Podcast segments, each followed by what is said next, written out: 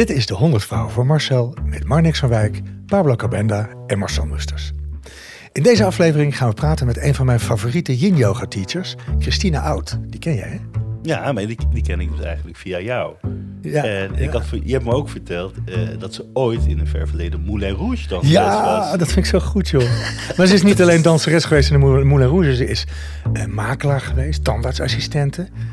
Mijn god, jezus, wat een brede carrière. Ja, het lijkt me hartstikke leuk om, om, te, om te horen hoe dat dan gegaan is. Ja, ja, ja, ja. En ze doet ook yoga. Nee, vooral. Ze heeft echt nu de levensmissie gevonden. En dat zijn, ze geeft dus yogales. Ik, Ja. ik volg bij haar yin yoga. Dat is echt Ja. super fijn. Ja. En ze doet, eh, eh, ze organiseert retreats. Yoga retreats en meditatie retreats. En transformatie retreats heet het geloof ik. Oké, ja. Moeten we een keer doen eigenlijk. Dat gaan we doen volgend jaar. Ja, want ik, ik, ik, ik heb yoga retreat nooit gedaan, maar stilte weken wel. Maar je hebt het nooit gedaan, zo'n retreat, toch? Nou, ik moet je eerlijk zeggen, zo'n tien dagen stilte met geen gezeur maar over, dit lijkt me heerlijk. nou, daar gaan we het met haar over hebben. Gaat het erover hebben. Maar dit zijn yoga retreats trouwens die zij doet, hoor. Ja, nee, als ik gewoon daarvoor in de houding moet liggen, vind ik het best. we gaan het horen. We gaan het horen. Wat fijn dat jij er bent, Christina. Dankjewel. Echt heel erg leuk. Hup, vanuit de, de ben blij yoga dat ik klas. hier ben. Ja, Oh, dat vind ik ook leuk. Ja. hoe, hoe kennen we elkaar?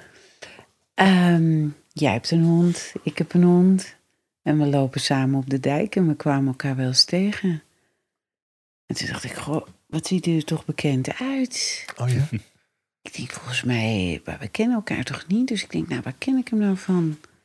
Ja, ik ben zo iemand die dat dan weer niet, niet zo goed weet. En toen dacht ik, oh ja, Oh ja? Gooise vrouwen. Ja. En toen later, eigenlijk, toen kwam je bij mij in de yogaklas. Toen zei ik, hé hey, buurman. Voor jou ben ik, ja, jij bent Je zit ook op de camping. Nee, nee, ik, heb een ander, ik zit op een andere camping. Ah, oké, oké. Ja. Ja. maar omdat we dus elkaar wel vaak tegenkwamen met het wandelen. Toen zei ik, hé hey, buurman. Ja, hé. Hey. En, ik geef yogales en Marcel was bij mij in de les. In de yin yoga les. Echt geweldige les. Ja. Ja. En eh, nu, elke week, hè? Elke week. Ja, heerlijk. Ja, vind ik ook. Ik vind Ja. echt jouw lessen zo fijn. Maar eh, wat is, eh, wat is zo yin aan yin yoga? Hoe is het anders dan? Nou, dat moeten we aan Christina vragen. Die is de Ja. Nou, Christine? expert. Nou, dus de, de moeder van yoga is Hatha yoga. Mhm. En er zijn, vanuit de Hatha zijn er heel veel verschillende stijlen ontstaan. Van Bikram, hè, hot yoga, eh, yoga doen, het cardiovasculaire yoga in 40 graden warmte, tot in zeg maar het andere uiterste yin yoga, yoga nidra waarin je ligt, alles heel zacht is, en lang in de houdingen bent en zelfs in slaap kan vallen. Oh, wat Ja. klinkt als iets Ja. voor mij. Ja, zeker, zeker. ik vertel ook altijd aan het begin van de les: er is een risico dat je in slaap valt. Ja, ja. Eh, maar yin heeft ook de mooie werking dat het je spieren langzaamaan leniger maakt. Zonder, eh, ja, Stress erop te zetten? ja, zonder stress, zonder kracht, zonder geweld. Mhm. Dat is vooral een geweldloze practice. Nou is elke yoga practice moet eigenlijk geweldloos zijn. Maar in yin yoga word je heel erg uitgedaagd om ontzettend goed te luisteren naar je lichaam. En naar wat je voelt en wat er op dat moment zich aandient. Ja, ja. Dus dat jij vorige week je been, eh, nou, ik zeg maar wat, eh, mm, wat is het, 180 graden kon maken en nu veel minder, dat is oké. En dat accepteren is voor de meeste mensen al heel moeilijk. Tot rust komen. En mij als docent naar de achtergrond laten verdwijnen. En dan dus je gedachten tot rust laten komen. En lief zijn voor je lichaam en lief zijn voor je hele wezen. Dat het oké is. Dat alles oké is. Is, het- is het misschien met yoga ook zo, net als bij sporten, dat mensen dan toch naar streven om iets te kunnen, terwijl dat misschien niet eens de bedoeling is? Ja, ja dat is mensen eigen. Ja. Zelfs tijdens de yin-yoga les, dan voel je wel eens dat mensen zoiets hebben zo van... Kijk mij eens ontspannen zijn. Ja, ja. Moet je zien hoe ontspannen ik ben. Hmm. Ja. Ja. Nou, dat, weet je, dat is het niet. Er zijn ook wel eens mensen die weglopen uit yin. Die echt zoiets van, oké, ik word nu zo geconfronteerd met mijn eigen gevoelens en zo. Ik kom gewoon naar de yogales en ik wil geëntertained worden. En nu word ik zo op mezelf teruggeworpen. Ik vind mezelf niet zo leuk. Dus weet je wat, ik ren hier weg. Dit is niks voor mij. Ja, ja. Terwijl En- misschien dan juist wel iets is voor die mensen. Inderdaad. Juist voor die mensen is het iets. Ja. Ja, het, is heel, het kan heel confronterend zijn, maar tegelijkertijd Mhm. is het zo bevrijdend om. ehm, althans, ik kan zoveel fijne. Ik moet altijd ergens doorheen. Ik heb een soort weerstandje, klein weerstandje, maar ik weet dat het altijd fijn wordt. Dus ik, ik, dan moet ik me ontspannen en dan ehm, moet ik iets over me heen laten komen, laten gebeuren. Ik moet het laten gebeuren en niet forceren. En dat is wat ik zo geleerd heb de afgelopen jaren. Dat ik elke dag eh, op zijn minstens een uur in mezelf kan zijn, waarbij ontspanning het allerbelangrijkste is. En ook mijn hoofd ontspannen. Dus niet al die gedachten die maar doorgaan, om die, ja, dat te laten zijn, maar niet zo'n belang te laten hebben. Ja, even te stoppen. Ja, ja, Even te stoppen met die to-do-list ja, die je gemaakt hebt in de ochtend. Even te stoppen met je zorgen maken over allerlei wereldheftige dingen, milieu en zo. Heel even jou in jouw yoga-bubbel te verkeren. En volledig te accepteren wat er dan is. Ja, ja. Dus heb Maar- je wat pijn of in je spieren of in, in wat er dan ook gebeurt, om het gewoon te accepteren. En ik, volgens mij werkt dat heel rustgevend. Mhm. En volgens mij eh, word je er een heel kalm persoon van. Maar weet je, en misschien moet ik dat meer aan jou vragen, Marcel. Merk je dan dat je dat gevoel ook gewoon kan vasthouden in de rest van de dag? Nou, ik ga altijd heel rustig weg. En dan eh, vaak gebeurt er iets en dan ben ik ontregeld. Maar ik kan wel telkens denken, oh, maar ik kan ook terug naar dat punt. Ik hoef Kan niet... Ja, ja, omdat je het ervaren hebt en weet dat het bestaat. Mhm. Dat alleen al is heel erg fijn. Dus dat je niet die onrust bent eh, 24 uur per dag. Maar dat je gewoon ook die rustige, ook veilige plek in jezelf kunt. eh, dat die er altijd is. En het wordt steeds makkelijker om daar naartoe te gaan. Omdat je, nou ja, omdat je het vaak doet en snapt van... oh, het is eigenlijk maar, het is een heel, hele korte bocht die je hoeft te maken. Ja. En dan ben je er weer. Aha. Het heeft, het heeft voor mij echt mijn leven veranderd, moet ik zeggen. Je hebt het nooit gedaan, yoga dus. Ik heb, ik heb wel yoga gedaan. Ja, dat is heel lang geleden. Ik heb hatha yoga gedaan toen ik nog studeerde. Dat was ontzettend fijn. Dan gingen we met, eh, waren met z'n drieën, eh, drie vrienden. En dat hebben we een, ik denk een aantal maanden volgehouden. Toen gingen we daarna, het was altijd op vrijdag, gingen we daarna gingen we bij een van ons drieën gingen we eten. Maar op een of andere manier is daar de klad in gekomen. Ik vond het wel ontzettend goed en leuk om te doen. En ik merkte vooral op die dag zelf en net daarna dat het heel veel effect. Ik weet nog gewoon dat als ik naar huis fietste, dan was ik me eigenlijk ontzettend bewust van hoe het perspectief verschoof om me heen. Terwijl het gewoon, ja, gewoon gebouwen zijn en, en, en bomen en weet ik wat allemaal. Maar je was heel erg in het moment, om maar even die vreselijke term te gebruiken. Dus ik heb het heel lang niet meer gedaan. Maar wat ik nu wel al, ik denk zo twee, tweeënhalf jaar doe. Ik heb het, ben begonnen in, eh, tijdens eh, de COVID-periode. Is mediteren. Dat doe ik, dat probeer ik elke ochtend een half uur te doen. En dat vind ik heel fijn. Ja, maar Ja. dat is ook best veel, hè? Elke ochtend een half uur. Ja, het zijn zo ochtenden dat het me niet lukt hoor. Maar ik Ja. er naar. Ja, Ja. ik, ik zeg altijd, ik geef ook les voor bedrijven bijvoorbeeld. Ja.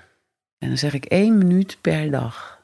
Oh, wauw. Ja. Oké. Plassen, zitten. Ja. Dus niet plassen, mail checken of plassen even een wasje inzetten of zo. Nee, plassen, zitten. Zitten. Ja. En één minuut. Ja. En als het de volgende dag twee minuten is, is het oké. Ja. Als het de volgende dag vier, vijf minuten is, is oké. Niet beter, maar is oké. Oké. Ja. Altijd één minuut. Je hebt meer aan eh, elke dag één minuut mediteren dan één keer twintig minuten in de week. Ja. Het is elke keer die herhaling. Ja. En op een gegeven moment vind je het zo fijn, dan zit je zomaar drie kwartier. En dan ga je je wekker fijn. eerder zetten. Dan ga je voelen wat het is, waar, wat die voordelen zijn van het mediteren. Ja, je Dat moet je niet zoveel- moeten, hè? Je moet het niet als moeten ervaren. Nee, nee, want eh, dan gaat het niet werken. Het kan ook zijn dat je zomaar een kwartier mediteert. De ene dag en de volgende dag dat je na twee minuten denkt: wat ben ik aan het doen? Ik wil hier weg. Ja. Dat is ook oké. Als je de volgende dag maar weer gaat zitten. Ja. En een vast plekje in huis. Dat is altijd de truc, hè? Plassen, zitten, zelfde plekje zitten. Ja, ik vind het heerlijk. Hoe is, hoe is het bij jou begonnen, yoga? in je leven? Oh. Ik, Want jij eh, was danseres, hè? Want dat ja. vind ik zo'n goeie... Ik las, ik las in het stukje van de website dat je de meest uiteenlopende dingen hebt gedaan. Waaronder Makelaar? Bij Moulin Rouge in, Ja, eh, in Parijs. Goed, zo goed. Hoe heb je Ja. die Zinnetje. in godsnaam- nou, je moet, Daar moet je eerst maar iets over vertellen. En dan vertellen hoe je eh, aan de dat yoga is bent goed, gekomen. dat is goed. Ehm, vanaf dat ik kan heugen, dans ik. Ja. Voor de, eerst voor de tv met top op. Met Ja. Oh ja, Iedereen. natuurlijk. Ik zie jou zo met top op. Ja, maar nou, het- voor de tv, hè? Voor de tv. Voor de Ik, tv. ik keek Oh, naar de tv. jong, ja. Ik stond niet op de tv. Oh, nou, maar dat had zo gekund.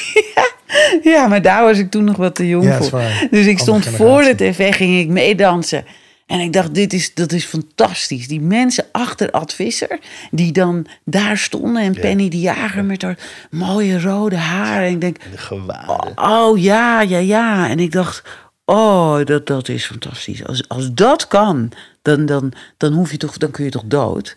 Als je dat eenmaal gedaan hebt. Ja. Nou, hoe dan ook, ik was nog wat jong en ik stond dus voor top op. En eh, ik ging op jazzballet en ik ging op klassiek ballet. En dat bleef ik doen. En bleek dat ik wel een beetje aanleg had en zo. En eh, vanuit daaruit naar Theaterschool Amsterdam, eh Jodenbreestraat. En toen eh, werd ik aangenomen bij Joop van den Ende voor Holland Showballet. Ja. Ja, Heb je allemaal dingen gedaan die ook op tv zijn geweest? Ehm Vast kijken. Nou, niet zoveel in Nederland. Oké. Nee, want ik ben redelijk lang, 1,76. En hier in de, met de audities in Nederland, dan was ik of vaak te lang, of ik kan bijvoorbeeld niet goed zingen. Dus musicalland, daar kwam ik ook niet echt aan de slag. Uh-huh. En eh, van Joop van den Ende, dat, dat zat ik op een gegeven moment in dat Holland Showballet. En een vriendinnetje van mij, die was vast bij Joop van den Ende. En ik was eh, freelance. En omdat zij vast zat, kon ze niet naar eh, Hongkong. En was toen, zij had een eh Maartje Douwes. En eh Maartje Douwes die eh, had een contract, had ze ooit uitgediend in Busan, Korea. En via diezelfde choreograaf en company eh, zei ze van nou, ik zit vast bij Joop van den Ende, maar jij kan wel, want je hebt een los contract. Mhm. Ik zeg, ja, is goed. Waar naartoe dan? Ja, Hongkong. Leuk. Ben ik nog nooit geweest. Gaan we doen. En zo ging ik naar Hongkong. En toen was ik daar en werkte ik op een, een, een schip in een productie. En ja, fantastisch, leuk. Maar een andere manier van werken als in Nederland. En toen dacht ik, weet je wat, ik ga eh, auditie doen bij de Moulin Rouge. Maar Ja. waarom de Moulin Want je Rouge? kende mensen die dat ook gedaan hadden ook. Eh, nee, nee. Nee, er was een dochter van Tony Eijk ooit. Maar die kende ik niet. Maar die werkte bij Lido ooit. Mm, En voor de rest, dat was een theater. Dus weet je wat, dat ga ik doen. En in Nederland was er niet zoveel werk. Ja. Niet voor mij. Ja. En eh, toen heb ik vanuit Thailand heb ik, eh, de maître de ballet opgebeld. Janet Farrow. En ik heb gezegd, mag ik auditie komen doen? Buiten de reguliere audities om. En ze zei, nou ja, oké, eh, ja, kom maar. Dus op mijn vlucht terug naar Parijs. Auditie gedaan. En aangenomen. Maar betekende dat ook dat je natuurlijk met je, met je titel eruit moest? Of, en zo? Ja, ja, ja, gelukkig wel. Ja, ja, ja, ja. Je hebt in de Moulin Rouge heb je eh, eh, drie verschillende eh, zeg maar, dingen. Je hebt de jongens, Ja. dus de garçons. En, dus nou, dat is duidelijk, dat, die, dat zijn de jongens. Dan heb je de meisjes, die zijn eigenlijk de dames, die zijn verdeeld in twee. Je hebt de dansers die de kan-kan doen, elke avond. En je hebt de dans, ja, danser nude, noemen ze dat. En eh, dat zijn de toplesdames. De toplesdames zijn over het algemeen iets, eh, ja, de, de, de eisen voor een danseres zijn al 1,75. Maar als je dans nu bent, dan moet je zeker aan die 1,75 voldoen. En over het algemeen werd toen gezegd, hè, dus hou me er niet aan vast, waren dat meisjes die ook wat meer het modellenwerk konden doen, wat, eh, wat er wel eens aan vast zat. Mhm. En toen mocht ik dat doen. En ik hoefde dus niet die continue splits te maken vanuit de lucht. Mhm. Het omhoog springen en dan landen in spagaat. Ja. En eh, ik hoefde ook die, die, die cartwheels, die, die ratslagen niet te maken. Het was het alle, eigenlijk de meeste, 90% van de danseressen, wilden danseus nude worden. Dus ik was Maar dat. dat was, dat was fysiek dus eigenlijk veel minder belastend. Ja, Ja. Veel minder blessuregevoelig. Je doet het zes dagen in de week, twee shows Oh, per dag. Jee. Jezus. Dus dan is het wel heel fijn als je lichaam nog een beetje lekker meegaat. Ja. Ja. En hoe lang heb je dat gedaan? Een jaar. En ik was zo gelukkig dat ik twee shows mocht doen. Ik deed Formidable. En die stond al heel lang. En ik deed Ferie. En Ferie staat nu nog steeds. Oké. En ik ben al weg van, eh, van 2000. Nee. Man. Bijna 24 jaar. Want zo'n show maken en neerzetten kost heel veel geld.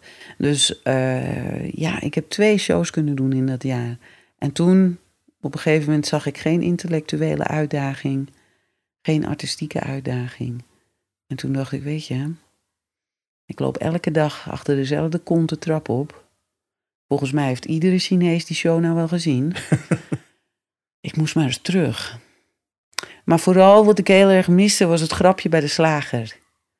Ik hou heel erg van humor. Ja. En, en, en, en ook humor oppakken op straat. En even tegen iemand kan zeggen, even, even die, die, die, die, die, dat, dat, die communicatie hebben met mensen om me heen.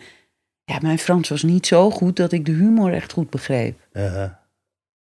Dus ik was, eh, toen ging ik weer terug. Maar had je al wat anders dan op het oog? Nee, maar dat heeft me nooit belemmerd. Ik heb nooit gewerkt voor geld. Als ik iets niet meer leuk vind, dan doe ik het niet meer. Ja. Vind ik zonde van mijn tijd. ja. Maakt niet uit hoeveel het verdient. Dus op goed geluk ben je gewoon naar Nederland teruggegaan. Ja, ja, ja. Ja, en toen kwam ik bij de Nederlandse Opera. En toen heb ik daar een aantal hele mooie producties mogen doen. Ook gedanst? Ja, ja, Elise de Moor. En ook wat eh acteerdingetjes nog gedaan daar. Ja, was fantastisch. Twaalf shows, of zo, hoe heet dat dan niet, hè, bij de Nederlandse voorstellingen? productievoorstellingen. dus twaalf voorstellingen en dan kwam er weer een nieuwe. Dan, dan, en dan deed je weer auditie en als je daar dan in zat, dan had je gewoon weer opnieuw had je werk. En dan keek je weer, had je weer een nieuw dirigent en een nieuwe regisseur. Dat was leuk. Ja. Steeds weer dat nieuwe. In plaats van elke keer hetzelfde. Ja, ja, ja. Maar ik ben heel dankbaar. Hè? Maar het lijkt me heel zwaar, dat dansen sowieso natuurlijk. Omdat je, tenminste ik hoor zoveel dansers die op latere leeftijd ehm, eh, zeggen... het was eigenlijk niet goed voor me, omdat ik Oh nee. zo moest, eh, dingen moest doen die helemaal niet goed voor je lijf zijn. Oh ja. Dat, dat merk je nu ook wel. Ja, er waren, ik heb er geen fysieke last van hoor, maar er waren toen in de tijd heel veel dingen die niet goed waren voor je lichaam. Zat, eh, ik zat altijd eigenlijk iets onder mijn gewicht als dat ik moest zijn. Oh ja. Ik weet wel dat ik aangenomen werd. Toen zei eh, de maître de ballet, eh, Jeanette Farrow, die zegt... I like your face, I like your smile, but watch this. En toen klopte ze zo aan de zijkant van mijn dij. Wow. Dus ik moest opletten dat Dat ik niet... even een, een ja, zo hintje van, van- wat, mag ja, wat pas op. Ah, En toen, eh, toen hadden we de repetities gedaan. En toen zei ze van ja, you need to lose some. You know what I mean, yeah? You need to lose some. Dus daar ging je. Repeteren van s morgens tien tot s avonds tien. En Wow. wat je at was een appel en eh, een stukje light cheese met wat mosterd. En eh, als je maar daaraan voldeed. We hadden ook contracten dat je niet boven je gewicht mocht komen. Was dat wel zo, dan moest dat er heel snel af, want anders kon je ontslagen worden. Ik begrijp het wel, want je moet in een bepaald plaatje Ja. moet je passen. Maar het, heeft wel, het is wel heel heftig eigenlijk. Hè? Als je bedenkt dat je voor je werk daaraan moet voldoen. Ja, maar je mocht ook, eh, ja, dat klopt. Maar dat, dat, dat zagen we toen niet zo. Ja, Dat was toch normaal? ja, ja en dat, dat hoorde er ook. toch ook bij. Ja. Je bent danseres of niet? Ja. Weet je, zo. Ja. Je mocht ook niet zomaar naar de kapper of zoiets. Dat, Wauw. eh, En, en hoe- wanneer besloot je dan dat het roer om moest? Want je bent ook makelaar geweest. Dat zag ik Ja. ook nog. en tandartsassistent. En tandartsassistent is zo Ja. goed. Ja, inderdaad. Ik stond een beetje buiten de maatschappij, hè? Met dat dansen en eh, eh, modellenwerk. Ik, ik wist ook niet zo goed wat, wat mensen allemaal verdienden en zo. Ik dacht, als mensen elke dag naar hun werk gaan, dan moeten ze een huis kunnen kopen, toch? Ja. Ja. Beetje naïef misschien. Maar ik dacht, ik Oh. wil echt Ja, tegenwoordig iets... is het niet meer zo. Maar ja, ik weet niet of het nou zo naïef ge- gedacht was. Ja, ik, ik dacht echt, eh, ik wil iets betekenen voor de wereld. Dus weet je wat, ik wil iets medisch doen. Uh-huh. En zo had ik tandarts in mijn gedachten. Ik denk, dit, eh, ja, dat bevalt me wel. Dat, dat lijkt me leuk. Dus binnen no time eh, was ik dan tandartsassistente. Want ik, ik gooi, als ik iets doe, dan gooi ik me er ook 100% op. En toen was ik dat en toen zei ik tegen die tandarts, ik zeg zo, nou, dit kan ik nu allemaal, wanneer mag ik boren? toen zegt hij, ja nee, dan moet je helemaal tandarts voor. Ik zeg, zes jaar? Zes jaar studeren voor wat jij elke dag doet. Ik zeg, kom op, dat kan jij me toch ook wel leren? Nou, zegt hij, nee, nee, zo werkt dat niet en zo. Hé, nou. Ik zeg, maar dat betekent dat ik dit, dat ik nu aan mijn tak zit. Ja, je kan wel uh, mondhygiëniste worden. Mm. Ik zeg, oh, nou, weet je wat, laat maar. Ik zeg, ik denk... Dat was wel heel grappig. Ik werkte met een hele leuke jonge tandarts. En dan waren we, dan was het vijf uur. Toen zei hij, ik ga naar huis. Ik zeg, jij gaat naar huis? Ik zeg, nee hoor. Ik zeg, samen troep maken, samen opruimen. Ik zeg, jij gaat niet eerder naar huis dan ik. Ik was helemaal verbolgen dat hij dat dacht. Ja, ja. Ik Hoe kwam in- reageerde hij dan? Ja, nou ja, zoals een heleboel mensen reageren. Als ik denk dat ik gelijk heb, dan gaan ze er gewoon niet mee. ik, kwam in die, ik kwam in die kantine. Ik zeg, nou moet je horen wat die van mij zegt. Die wil gewoon eerder naar huis dan ik. Ja, Ze, ze zeggen ze, dat is normaal hoor. dat is heel normaal, dat jij dan de spullen opruimt. En, ik zeg, doen jullie dat zo? Ik zeg, nee hoor, dat doe ik niet. Nou, wat bleek, ik had helemaal geen assistentenmentaliteit.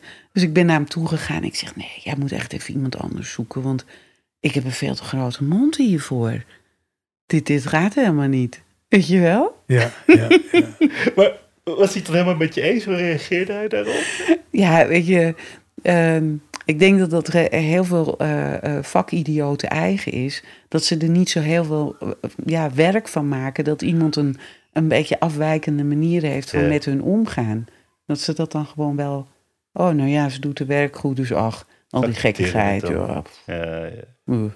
Je bent een beetje een pippie, hè? Als Een je iets niet ja. kunt, oh, dan kan Oh ik ja, het ja, zeker. dan kan ik het zeker. Ja. Of zoiets. Ik heb het nog nooit gedaan, dus ik kan het Dat, vast. ja. ja, als ik iets leuk vind. Als je, als je iets leuk vindt, dan ga je het toch doen? Mhm. En dan merk je zelf wel of je er talent voor hebt of niet. Ja. En zo heb ik ook wel dingen geprobeerd en gedaan waar ik geen talent voor had. Ah, Noem eens één dingetje. Ehm, eh, kleding inkopen voor, eh, voor eh, een kledingzaak. Ik kan heel goed verkopen. Ik kan mensen heel fijn adviseren, integer en goed adviseren. Zonder ehm, ja, zeg maar, het duurste aan te, te reiken, want dat vind ik nooit een fijne manier van verkopen. Maar inkopen, dat kan ik niet zo goed.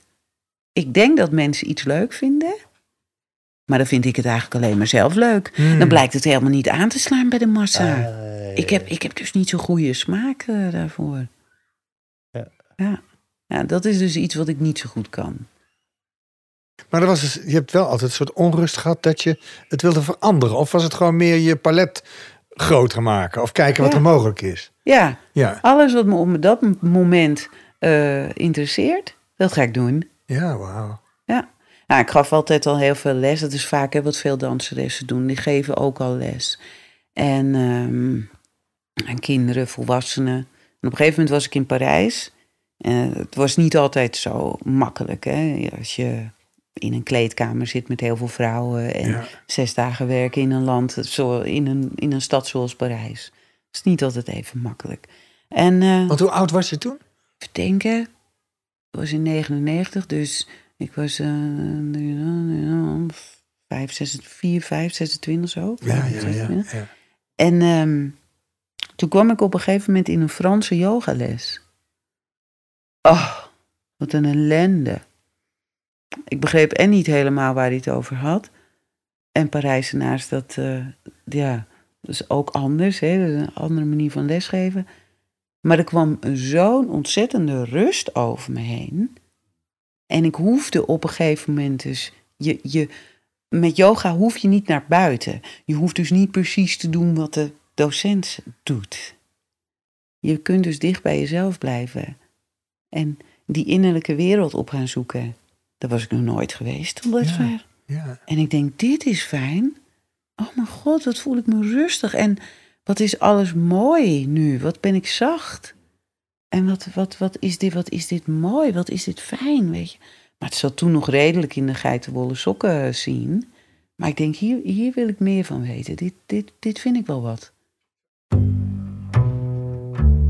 Even, even tussendoor, Pablo. Ik ben weer zo blij met onze eh, sponsor van deze week. Sponsor? Nou, mede mogelijk maken van de podcast. Oh, vertel eens. Vertel eens inderdaad. Dat was een ingestudeerd grapje, want zo heet onze sponsor ja, maar dat namelijk. vind ik echt heel erg leuk. Ik, ik, ik wil het bijna niet eens een sponsor noemen, want ik hou niet van commercials. Oh nee, je had van mede mogelijk maken. ja, mede mo- want zij maken het mogelijk dat wij deze podcast kunnen maken. En ik vind het een ontzettend goed initiatief. Ja, oké. Wat wa- doen ze? Nou, Vertel eens is een eh, gezelschapsspel. Een kaartgezelschapsspel met allerlei vragen die eh, eh, tot een leuk en een diepgaand gesprek moeten gaan leiden. Allemaal persoonlijke gesprekken. En het is dit die we hier hebben. Wie? Ja, want dit is niet vertellen. Vertellen is één van de, van de spelletjes. En dit Eén is, van de spelletjes. is ja. de feestdagen editie De feestdagen. XL. Waarbij je dus gewoon kan kiezen uit twee stapeltjes kaartjes. Met eh, een terugblik op het afgelopen jaar of een vooruitblik op het komende jaar. En wat is de bedoeling? Dat je dat met kerst of met oud en nieuw, Ja. met vrienden en familie doet. En dan eh, Dat je gezellig samen met elkaar onder de kerstboom zit. en dat je net En iets interessantere op gesprekken krijgt dan. Iets anders. Ja, ja en, en hopelijk leidt het tot gewoon vredig en samenkomen. En eh, nou, we kunnen ook gewoon een kaartje proberen. Ja, doe Wil, eens. wil je er eentje doen? Ja, Zal ik een vraag stellen? Oké. Ehm, wie of wat kan een nieuwe inspiratiebron zijn? Wauw. Ja, dat, is, dat is moeilijk, hè? Een nieuwe inspiratiebron. Nou, we, we, we zitten midden in het gesprek met Christina Oud. En ik moet zeggen dat Christina wel echt een inspirerend eh, eh, figuur voor me aan het worden is. Of is eigenlijk. Hé, Christina, dat is een hele goeie. Ja, toch? Ik vind het een hele inspirerende dame. Ik kende haar nog niet. Nou, dankzij jou nu wel. Maar ik vind het wel een hele goede keuze. Dus, eh, en wil jij nog ook eentje doen? Ja, maar dan eentje voor het afgelopen jaar, of Van niet? afgelopen jaar. Doe maar niet te moeilijk, hoor. Kijken. Oh, welk nummer? Dat is voor jou wel een goede als muziekrecensent. Oh. Welk nummer was voor jou de soundtrack van het jaar? Oh mijn god, dan moet ik heel diep gaan graven in mijn hoofd. Nou, weet je wat ik wel een hele goede vond? En het is niet één nummer. Het is eigenlijk een heel album, of een half album. Ehm, Gabriels, is een soul trio uit Amerika. Die kwamen optreden op het North Sea Jazz Festival. En die maken fantastische muziek. Ze hebben een hele goede zanger. Met De Gabriels? Nee, niet de Gabriels, maar gewoon Gabriels. Oh, wauw. Of is het toch de Gabriels? Nee, ik ga Nou. het eens checken. Ja. Nou, de- dat, dat zoeken we op. Nou ja, dit is dus de, de Vertellers Feestdagen editie, XL. En er zitten 110 vragen om herinneringen op te halen of om vooruit te kijken. Ehm, eigenlijk allemaal momenten om, om meer connectie en aanwezigheid te hebben samen. Hart open, telefoon uit, zeggen ze. En als je naar vertellers.nl gaat, dan ontvang je tot en met 1 januari 2024 10% korting met de code Marcel.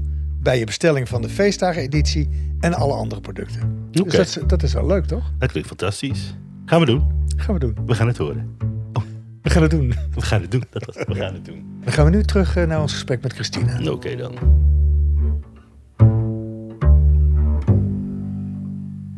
Maar he- heel even, hè? want er is, er is natuurlijk een bepaald moment dat je denkt bij jezelf: oké, dit heeft effect op mij, dit vind ik fijn, hier kan ik wat van leren. En dan leer je steeds meer van.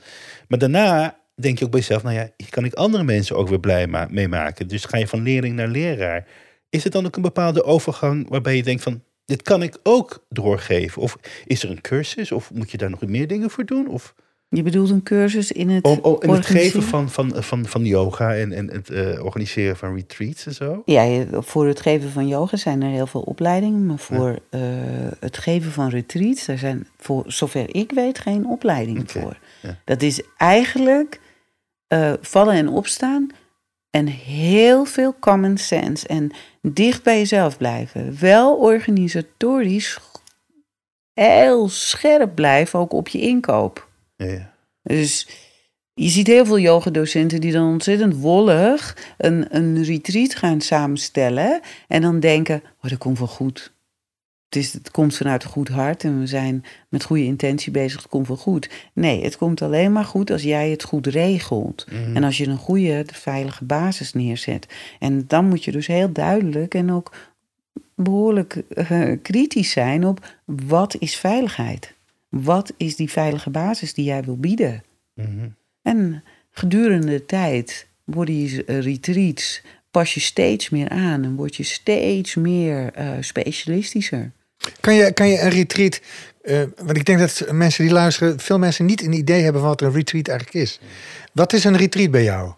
Ehm, Dan ben je een week dus eh, Ja. eh, eh, onder de pannen. je bent een week inderdaad, zit je in een fijne locatie.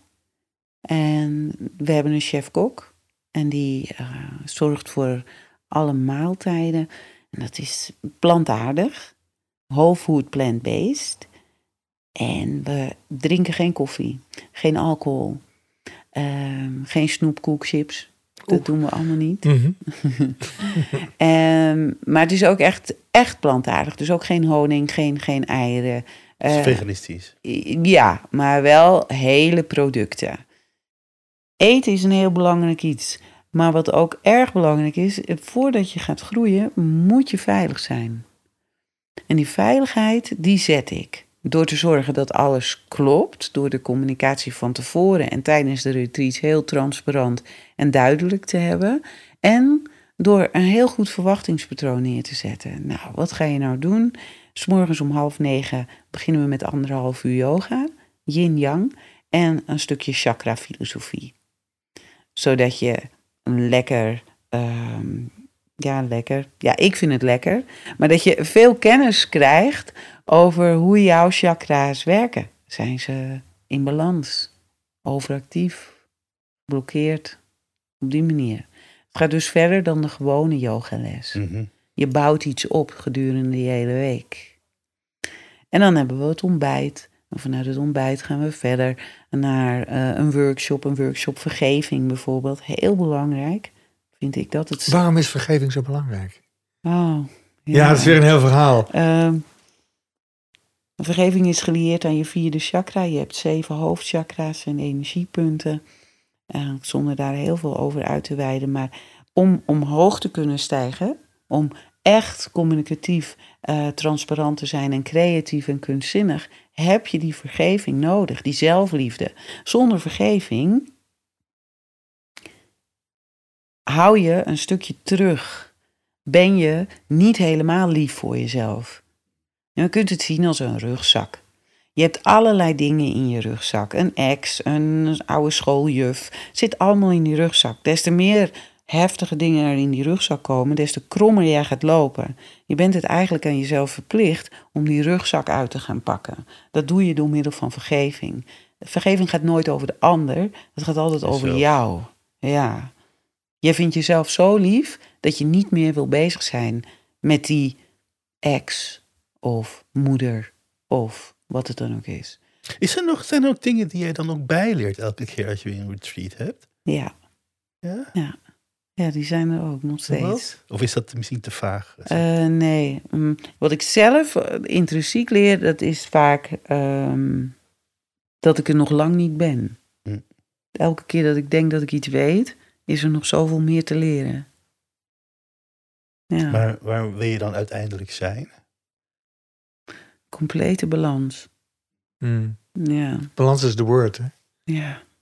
Wat me opviel, want jouw, jouw, jouw yoga eh, schoolklas heet Bodhisattva, hè? Ja, bodhisattva, ja. Ja, en komt het dan ook omdat jij een soort van nood voelt? Of niet de nood, maar een, een, een, een, een impuls om anderen te helpen? Ja, om anderen wakker te maken ook. Ja. Om echt te kiezen voor wat voor bij jou past. En hem niet in, in iets mee te gaan lopen. Want een bodhisattva is eigenlijk een soort van... ehm, ja, klassieke soort van reïncarnatie van Boeddha... die zijn eigen verlichting uitstelt om anderen te helpen. Ja, dat is de bodhi. Dat is bodhisattva. En zo heb ik mijn bedrijf nooit weer durven noemen hoor. Dat, eh, het is body, dus lichaam. Oh, ja. Oh, het is een pan. Ja, dat een door. Ja, exact. Zo'n Wel body. wel goed gevonden. ja. Ja. Lichaamszuiver is Ja, het. ja, dus ik wil mensen eh, zuiveren van de overtuiging dat ze ergens aan moeten voldoen wat niet bij hun past. ja, ja. Dus eigenlijk hetzelfde als leef je authentieke leven. Ja. Doe dat nou. Weet je wel? Koop die broek die je mooi vindt in de kleur die jij mooi vindt. ja. In plaats van alles na te lopen. Weet je, ga je eens bedenken, heb ik die grote auto nou echt nodig? Of kan ik ook met een kleinere auto toe, waardoor ik dus veel makkelijker door het leven kan? Mhm. Dat ik dus veel minder verantwoording op mijn hals haal. Ik leef heel sober. Ik koop alles in een tweedehands winkel. Als het niet daar te kopen is, ga ik naar Marktplaats. ja. En dan ga ik nog eens goed nadenken. Heb ik het eigenlijk wel nodig als het daar niet is? Ja.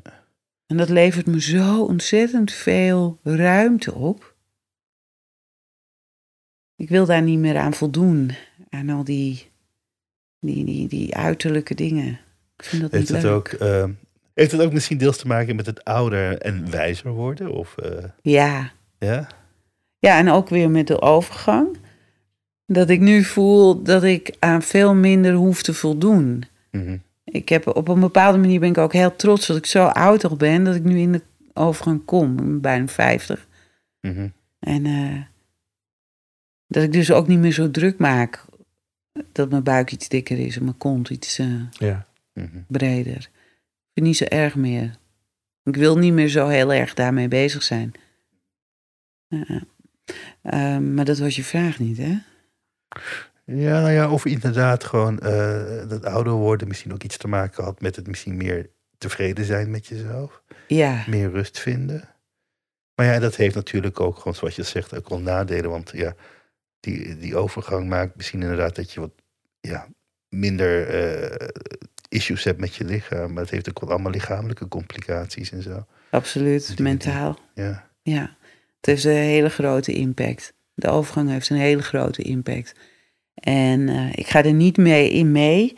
Wat ik toch wel heel veel mensen, ik zit in de holistische scene, wat ik toch wel veel mensen hoor doen. Zo van, weet je wat, eh, wat jij moet nemen? Rechtsgedraaide mierikswortel, gerijpt bij het zonlicht. Leg het dan s'nachts in de maan. Neem een hapje om vijf over zeven en dan komt het allemaal goed. Ja, come on. Weet je? hoezo, kom op, want ik ben wel benieuwd. Ik vind Ja. het wel grappig dat je dit zo zegt. Want ik vind het tegelijkertijd een hele lieve, leuke, ontnuchterende kant van de yogaleraar. Ja, ik, ja, als er iemand onnuchter daarin is, dan ben ik het. Op het moment dat jij een been breekt, dan is dat ook natuurlijk. Maar dan ga je hem ook niet vanzelf laten helen. Dan ga je naar een ziekenhuis, je laat foto's maken en je gaat kijken, is hij goed geheeld? Of laat ik hem goed helen? Is dat niet gebeurd? Zoals bij mij in Ibiza, verkeerde breuk hè? dan breken ze hem weer opnieuw en dan krijg je een plaat met vijf bouten. Daar, daar zegt dan niemand voor, ja, dat moet je niet doen hoor, krijg je borstkanker van. Nee, is niet zo. Nee, ik heb het nodig om te kunnen functioneren. Dus Ja. ik, bio-identieke hormonen, echt waar. Je hoeft je niet te voelen zoals je je nu voelt, voor alle mensen die enigszins weten waar ik het over heb. Het is echt heel erg belangrijk dat je op een fijne manier door het leven gaat. Dus zo ben ik heel snel naar een gynaecoloog gegaan en heb gezegd: hé, hey, luister, oude toverkool, jij moet zorgen dat ik weer een beetje ga functioneren, want dit wil ik niet. Eh, Dus 2023, geef afkomen met die drugs. ja. Nou, en toen kreeg ik pleistertjes. En van pleisters werd het eh, een spray. En nu heb ik een gel. En eh, daar ben ik heel blij mee. En als het oor bijna op is, nou, dan ga ik al bellen. Zo van, let op hè. Nieuwe Je band. wil niet dat ik langskom, want mijn, spray, mijn, mijn gel is bijna op. Dus En ik eh, swing aankomen. inderdaad, ik ben zelfs gevaarlijk door de telefoon. En dan eh, krijg ik weer lekker mijn jelletjes. Mhm. En dan ben ik heel blij. Ja, Ja. het is net als een soort van dealer. Je, dat je naar de apotheek. Maar ik kan er niet zonder, nee. Nee, want dat heb je wel geprobeerd. Nou, je hebt het, zo ben je begonnen Ja, natuurlijk. ik ben, zo ben ik begonnen zonder. En ik dacht al heel snel, dit wil ik niet. Wow. En Ja, want je weet eh, natuurlijk ook nooit hoe lang het duurt, die overgang. Dat lijkt me zo heftig. Tien jaar.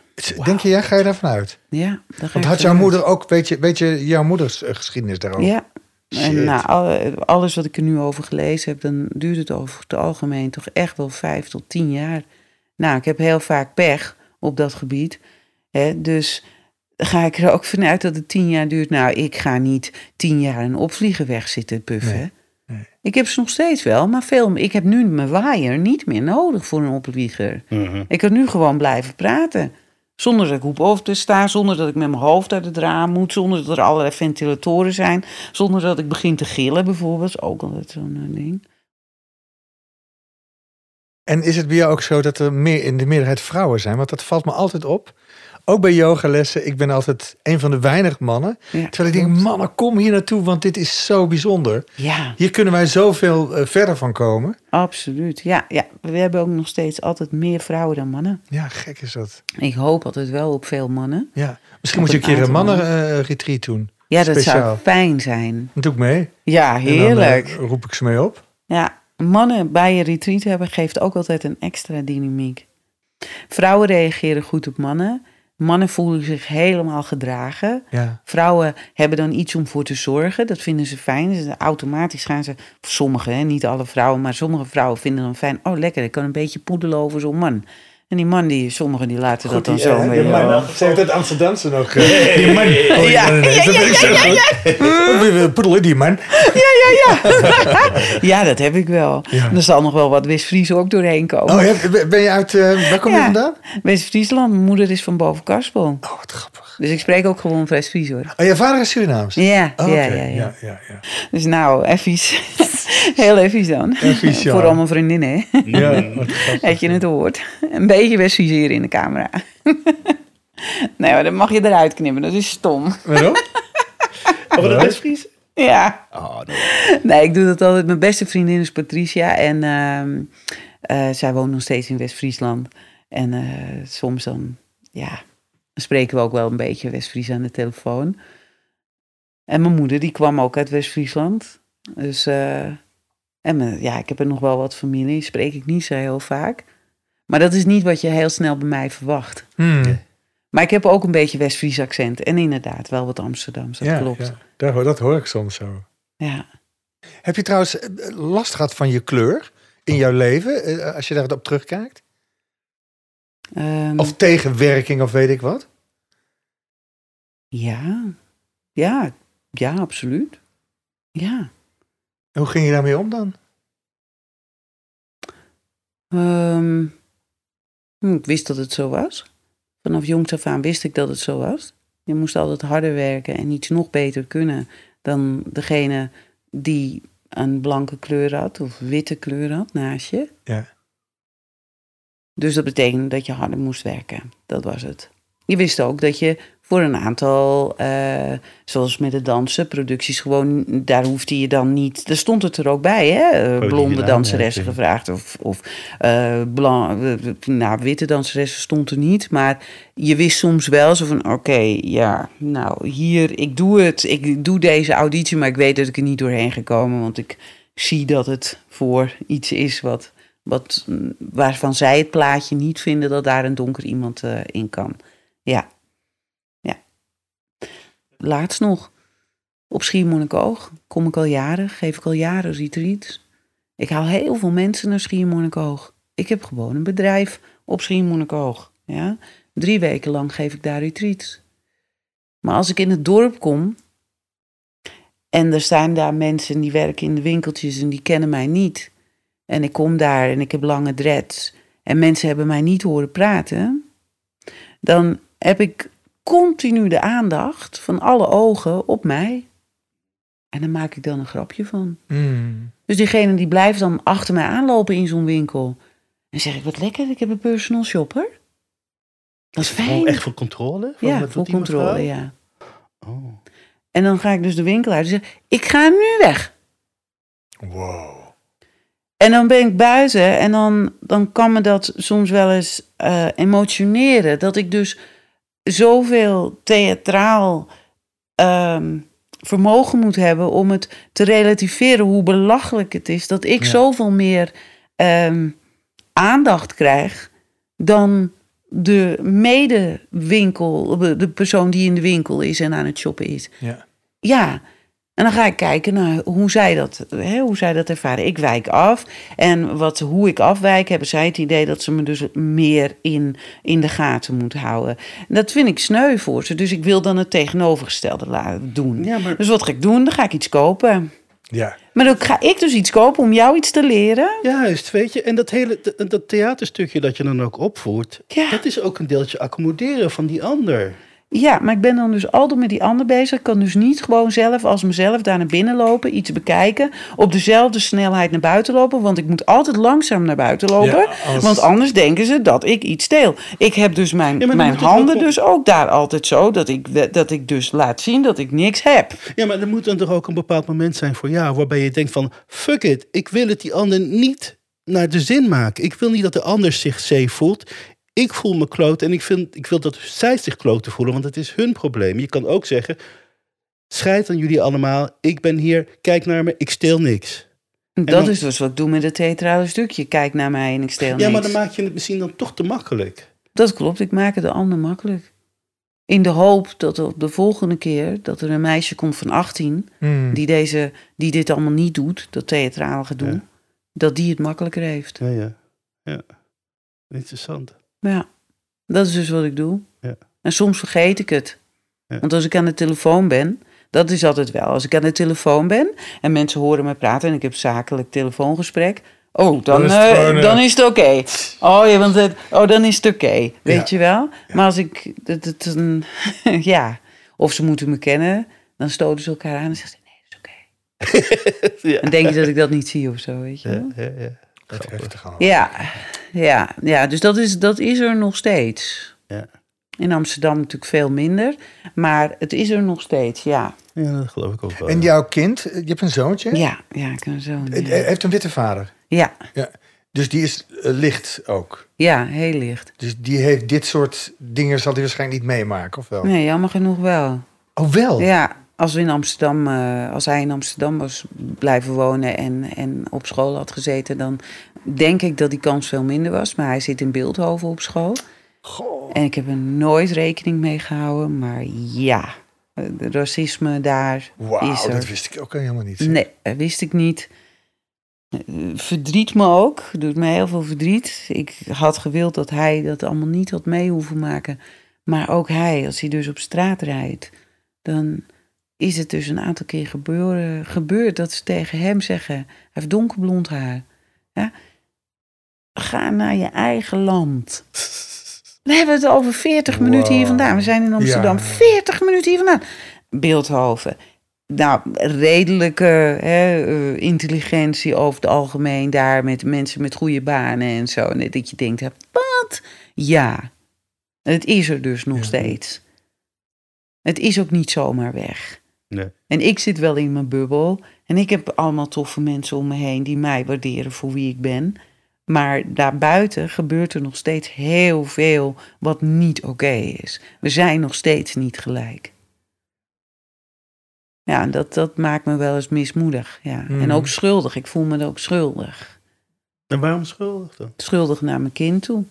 Dat ik, ik heb hem op de wereld gezet. Ja, maar ja. En ik, had, ik dacht dat ik wel een van de laatste was van de Ja, generatie. die dat mee eh, maken, te Ja, maken heeft. Ja. Dacht ik wel, ja. Dat zou ik ook denken trouwens. Ja, Nou ja, Want, het eh, vormt hem misschien ook wel. ja, inderdaad. Op het moment dat je mensen hebt die nooit tegenslag hebben hoeven te verduren en dan een keer iets meemaken, die zinken dan natuurlijk een heel stuk dieper, kunnen daar minder goed mee omgaan. En toch had ik hem dit willen besparen. Tuurlijk. Ik, schaam me er eigenlijk gewoon voor dat het. ehm, want die kinderen, ja, hoe moet je dat zeggen? Die kinderen die, die, die bedenken dit niet zelf. Ja. Een 14-jarige bedenkt dit niet zelf. Dus op het moment dat die thuissituatie zo is dat dat dus, eh, ja, zeg maar, gevoed wordt of niet iets tegenin wordt gebracht, dan uiten kinderen dus ook op school. Ja. Als leraren niet zeggen, en nu, eh, dit, dit soort dingen doen we niet. Ik heb een hele discussie gehad met een, een mevrouw van Frans. En er was dan twee meisjes en die zeiden dan... Mevrouw, hoe zeg je die N-word in, in het Frans? Mm. Hoe zeg je dat? Zegt ze, nou, dat vind ik geen leuk woord, dus eh, dat zeg ik niet. Ja, maar ho. Jij hebt als lerares Frans niet dat te zeggen. Jij hebt ook op te voeden. Dus je hebt ook te zeggen van, wat zeg jij nou? Mhm. En je hebt dat te adresseren. Mhm. Dus daar ben ik toen wel met deze dame over in discussie gegaan. En wat blijkt, ja, ze weet gewoon eigenlijk niet zo goed hoe ze ermee om moet gaan. Ja, en ze wil, ze wil die cohesie houden in die groep en daardoor maar niet streng optreden. Maar hallo, hier kun je niet anders doen Mhm. dan streng optreden. Ja. Hier heb je op te ageren. Ja. Mhm. Oh man, het is maar goed dat ik niet voor die klas sta, hoor, want ik pak zo'n kind. Nou ja, misschien zouden er juist mensen zoals jij voor de klas moeten staan. Ja, en dan krijg je dus ouders. Je hebt mijn kind aangeraakt. ik pak gewoon zo'n kind bij zo'n arm. En dan met zo'n moedswing erbij. Ja, oh. Ja, en dan maar hopen dat je niet een plastic vork hebt of zo, weet je wel. Want ja, je pakt hem zo. Ja, Ja, ja. Ja, nee, dat, nee, moeten we niet doen. Maar eh, het is wel, het is ongelooflijk dat dus leraren het moeilijk vinden om op te treden tegen dit soort basale dingen die, waarvan je gewoon moet zeggen, ieder kind moet in basisveiligheid kunnen Ja. leren.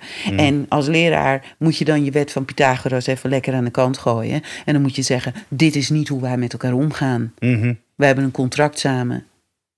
En dit is niet wat wij doen. En dat mis ik. Ja. Ja, ja, ja. ja, ja. Maar ik denk sowieso dat het in, in het onderwijs veel meer op dat soort zaken, eh, ook voor zelfontwikkeling van kinderen, niet alleen maar de, de taal die ze moeten leren en de, het rekenen, maar dat je juist yoga, eh, meditatie, maar ook praatgroepen hebt, weet je wel, met elkaar over het leven, over wat is mens zijn, over. Ik denk dat dat veel eh, eh, belangrijker is dan al die dingen die ze moeten leren. Ja. Wat heb je aan assimilatie, dissimilatie binnen je bio- biologie als je niet eens weet wat een contract is om met elkaar om te gaan? Als je het oké vindt om anderen uit te schelden ten koste van een ander populair te worden.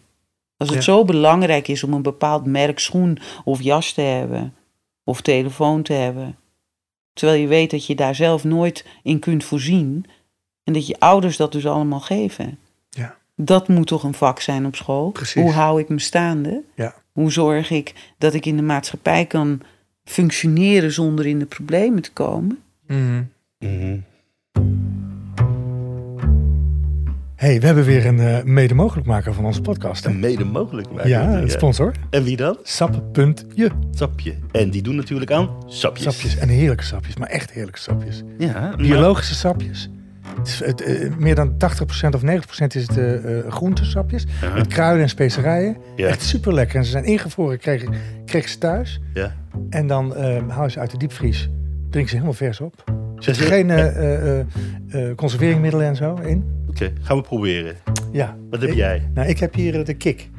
Ik heb de Sunny groentesap. Met, nou hou je vast, gele biet, gele wortel, Chinese kool, gele courgette, gele paprika, is allemaal geel. Granny Smith, pastinaak, sinaasappel, citroen, kurkuma, gember, aloe vera en zwarte peper. Dat klinkt gezond, man. klinkt onwijs gezond. En het smaakt. Mm, maar die kick is ook echt heel lekker, zeg. Nou, lekker. Ik, ik, ik was vroeger altijd van het type van groente moet je eten, die kan je niet drinken. Maar dit vind ik wel heel erg Ja, geslaagd. nee, het voelt heel goed dat je... Als, ik, Ja. ik, doe nu één flesje per dag. En dan voelt het heel erg van... Ik heb in ieder geval genoeg groente gegeten je basisvitamine. De basis, ja. Ik, en ik eet wel echt groente. Want ik denk dat het eten van groente natuurlijk anders is dan drinken. Maar dan voelt het toch goed Ja, ja, dat ik deze aanvulling heb. Een soort van shotje krijg je binnen. Ja, en wat, ik, wat ik zo leuk vind, is dat we een soort aanbieding mogen doen. Als mensen naar de website gaan en een bestelling doen. sap.je. ja.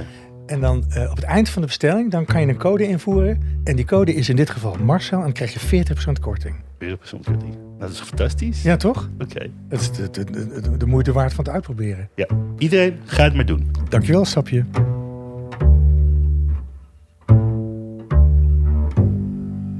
Hey, nog heel eventjes. Ik zit ineens te denken. Ik las op jouw website dat jij, eh hoe heet dat, een Vipassana hebt gedaan. Ja, ja, ja. dat ja. wil ik altijd heel graag, maar ik durf het niet. Want ik denk niet dat ik het oh, moet doen. Vipassana meditatie. Ja. Vipassana jou, meditatie is echt is het meest heftige wat ik gedaan heb, maar ook het meest mooie. Ja? Ja, tien dagen in stilte.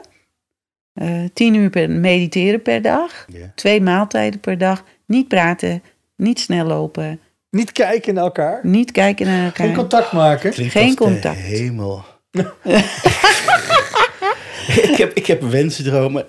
Dat kan ik Ja. niet zeggen op de podcast. Ja, er zijn ook echt mensen die dus... Er wordt ook op de site... Wordt er, het is ook gratis, hè, het is op donatiebasis. Een Ja. hele lange wachtlijst. Ehm, maar er zijn ook mensen... Er staat op de site... Er staat een maximaal verblijf 28 dagen. Daarna moet je ook weg. Oh ja? Oh, maar 28 is best wel lang. Oh, Hartstikke man. lang. Er zijn mensen die dit Die zo lekker vinden. Die willen niet weg. En wa- wat was jouw ervaring? Oh ja, ik was de eerste keer dat ik het deed. Zo tegendraads. Je hebt het vaker gedaan. Ja, ik heb het twee keer gedaan. Authenticiteit. Die, die, ik, ik, ik kon niet praten met mensen, dus ik kon geen grapjes maken. Ik kon geen grapjes maken Ja. met mensen. Ja. Ik kon mensen niet troosten. Mhm. Mensen die verdriet hadden, je, kon ze, je mocht ze niet aanraken, niet troosten. Dat vond ik heel heftig. Mensen troosten mij niet. Ik kon niet klagen, ik kon niet schelden, ik kon niet eh, even zeggen... ah, Dat kon allemaal niet. Ik was dus teruggeworpen op mezelf. Volledig op mezelf. Tien dagen en nachten. Tien dagen, ja. Dus, nou ja, dat ging niet- natuurlijk niet. Ik voelde me als in een soort van vrouwenvleugel van een gevangenis. Dus ik ging me daar toch een beetje, even de boel een beetje ondermijnen, weet je Wat wel. deed je daar? Ja, ik heb een keer heel stoer een steen gegooid naar een huisje. ik heb heel recalcitrant heb ik mijn nagels gelakt met blanke lak. En ik heb een pen mee naar binnen gesmokkeld. Want je mag ook niet schrijven. En toen heb ik op maandverbandjes heb ik toch wel een beetje geschreven hoe ik me voelde. Nou, dat mocht natuurlijk allemaal niet. Ehm, ik liep te snel door het parkje. Dus ik werd gesommeerd om wat langzamer te lopen. Ik wilde op een gegeven moment contact. Dus ik uh, zocht wat mensen waarvan ik dacht, nou, jou uh, kan ik wel een beetje meetrekken in mijn. Uh... En toen ging ik daar toch een beetje contact mee maken. Eerst op deze manier. Dan heb je een aantal bewakers. Dan doe ik mijn hand voor mijn mond en dan. Lekker hè? Lekker hè? Vind je het ook zo lekker? Weet je, dat, dat is het eten dan, hè? Ja. Zo. En op een gegeven moment, als ze dan aandacht, dan ging ik ernaast zitten. Ging een beetje contact maken. Want ik voelde me eenzaam. Ik voelde me alleen. Want je wilde dus iets delen, dus schijnbaar. Tuurlijk, dat nee, maar je, als je allemaal met z'n allen bent, dan zou je ook dat zonder die woorden. Ja, ik Ja. zou het helemaal niet kunnen. Want ik- Nou, en dat was toen de eerste, dat was de eerste keer.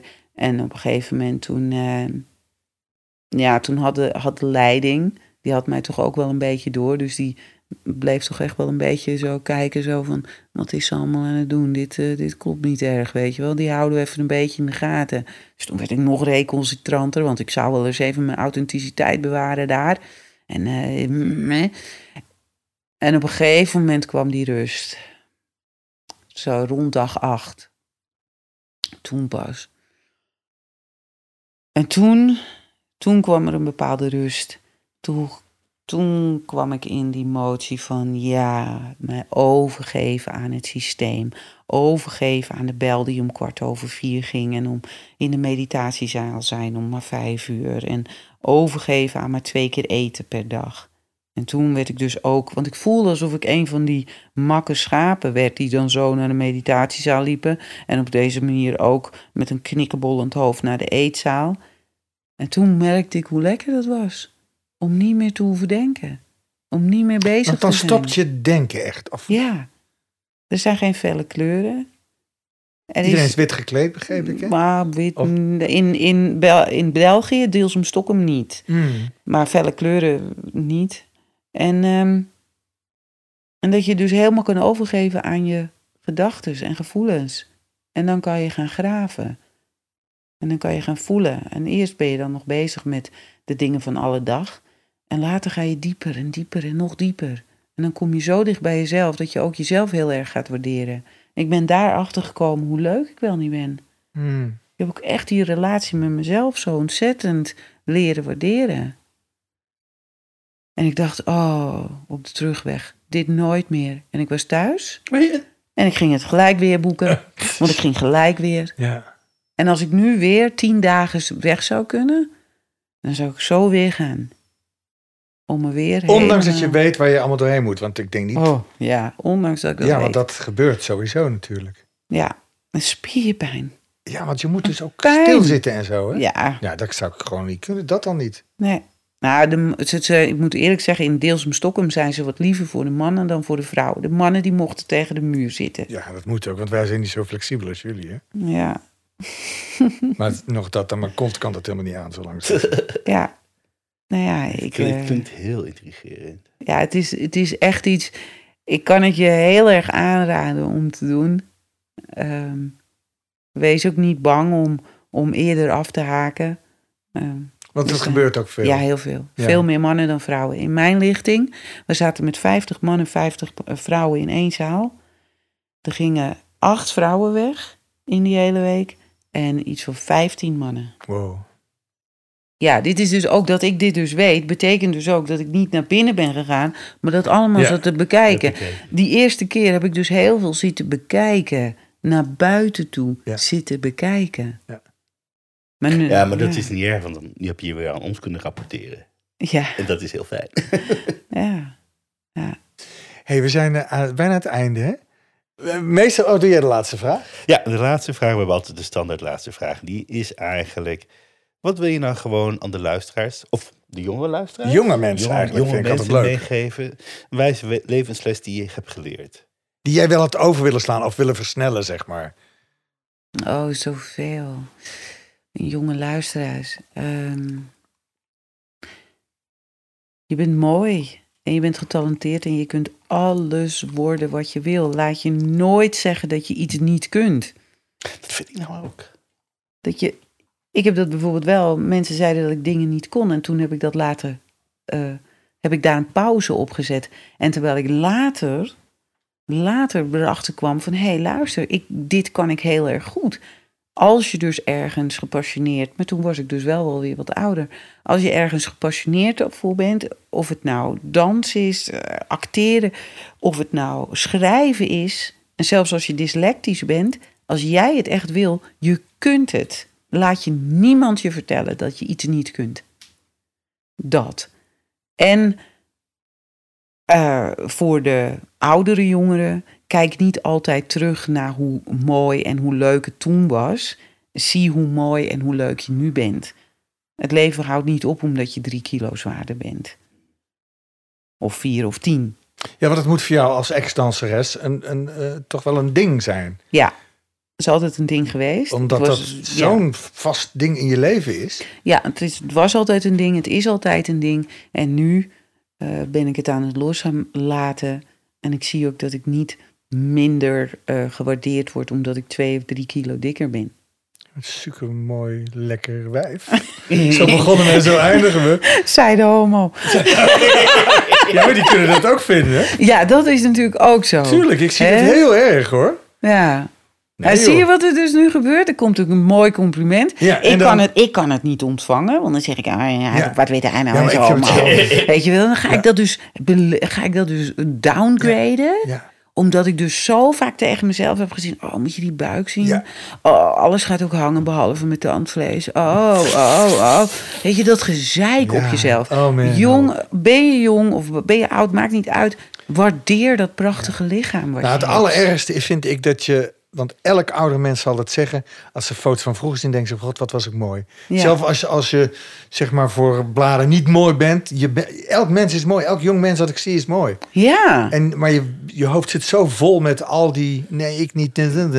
Ja. Terwijl, ja, maar het is waarschijnlijk onontkoombaar voor die kids. Ja, en, ja maar toch denk je dat het heel goed is voor jonge mensen om het te horen van oudere mensen. Ja, ja nou, dat want, zeker. Ja. Want zij zelf denken het helemaal niet. Nee, je bent mooi en je kunt alles worden wat je wil. Als je mensen kunt inspireren, motiveren, activeren tot hun authentieke leefstijl.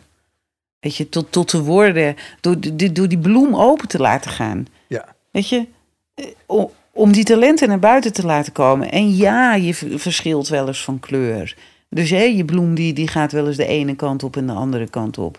En iets waar je talent in hebt, betekent niet dat je het ook altijd moet uitbuiten. Precies, dat, dat is ook niet. Maar doe in ieder geval waar je vrolijk van wordt. Ja. Ik heb een, een van de dingen is echt waar ik zo'n hekel aan heb.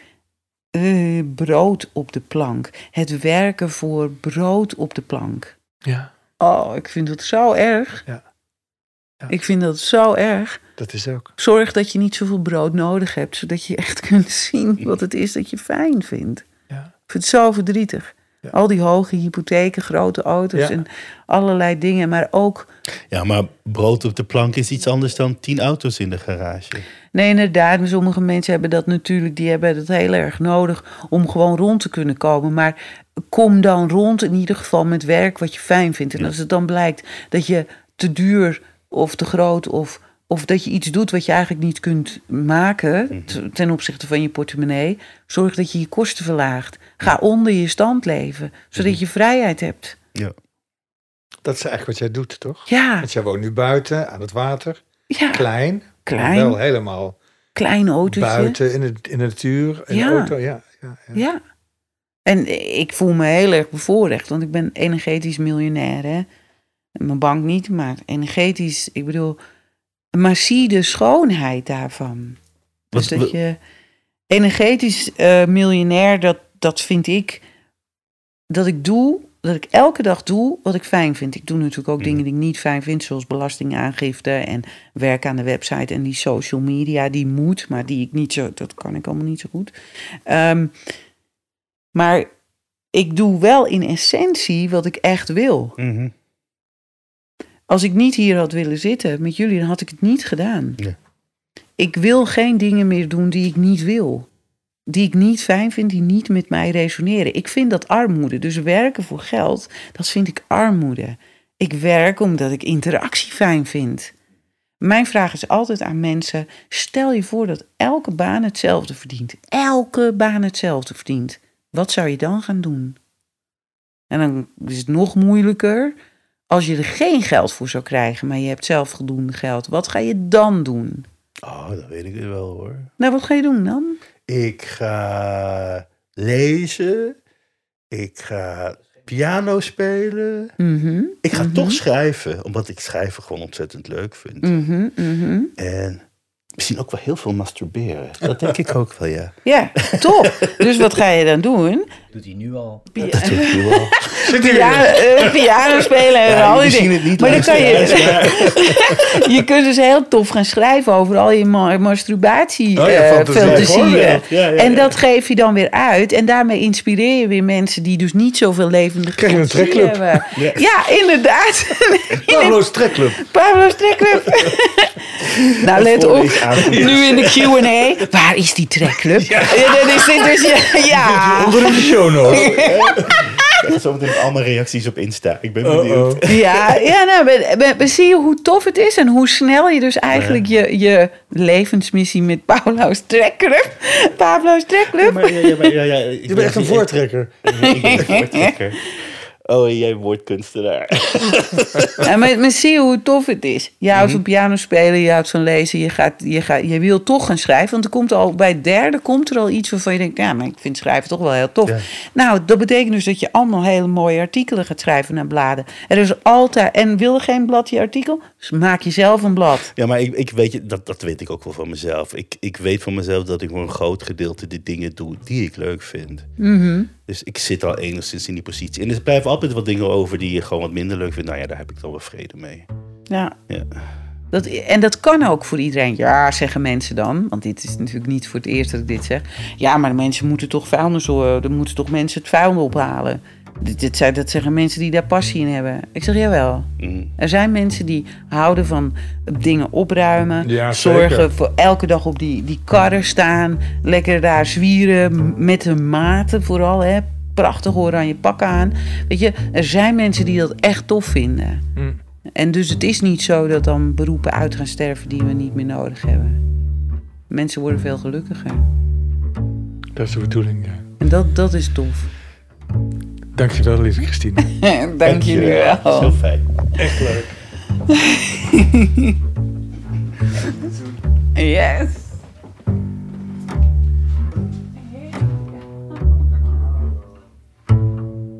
Dit was de 100 vrouw van Marcel met Christine Oud. In de volgende aflevering gaan we praten met mijn vriendin Eva van der Gucht, met wie ik lang geleden samen de ouders van Dick Trom speelde in de film van Arne Tonen. Hele leuke film. Tot dan. Vond je dit een leuke podcast? Geef ons dan sterren en een review in je favoriete podcast-app. Op die manier vinden nieuwe luisteraars ons. En stuur onze podcast door naar iemand die er ook iets aan heeft. Daar help je ons enorm mee.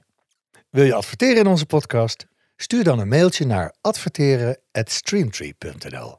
Dankjewel voor het luisteren en tot de volgende keer.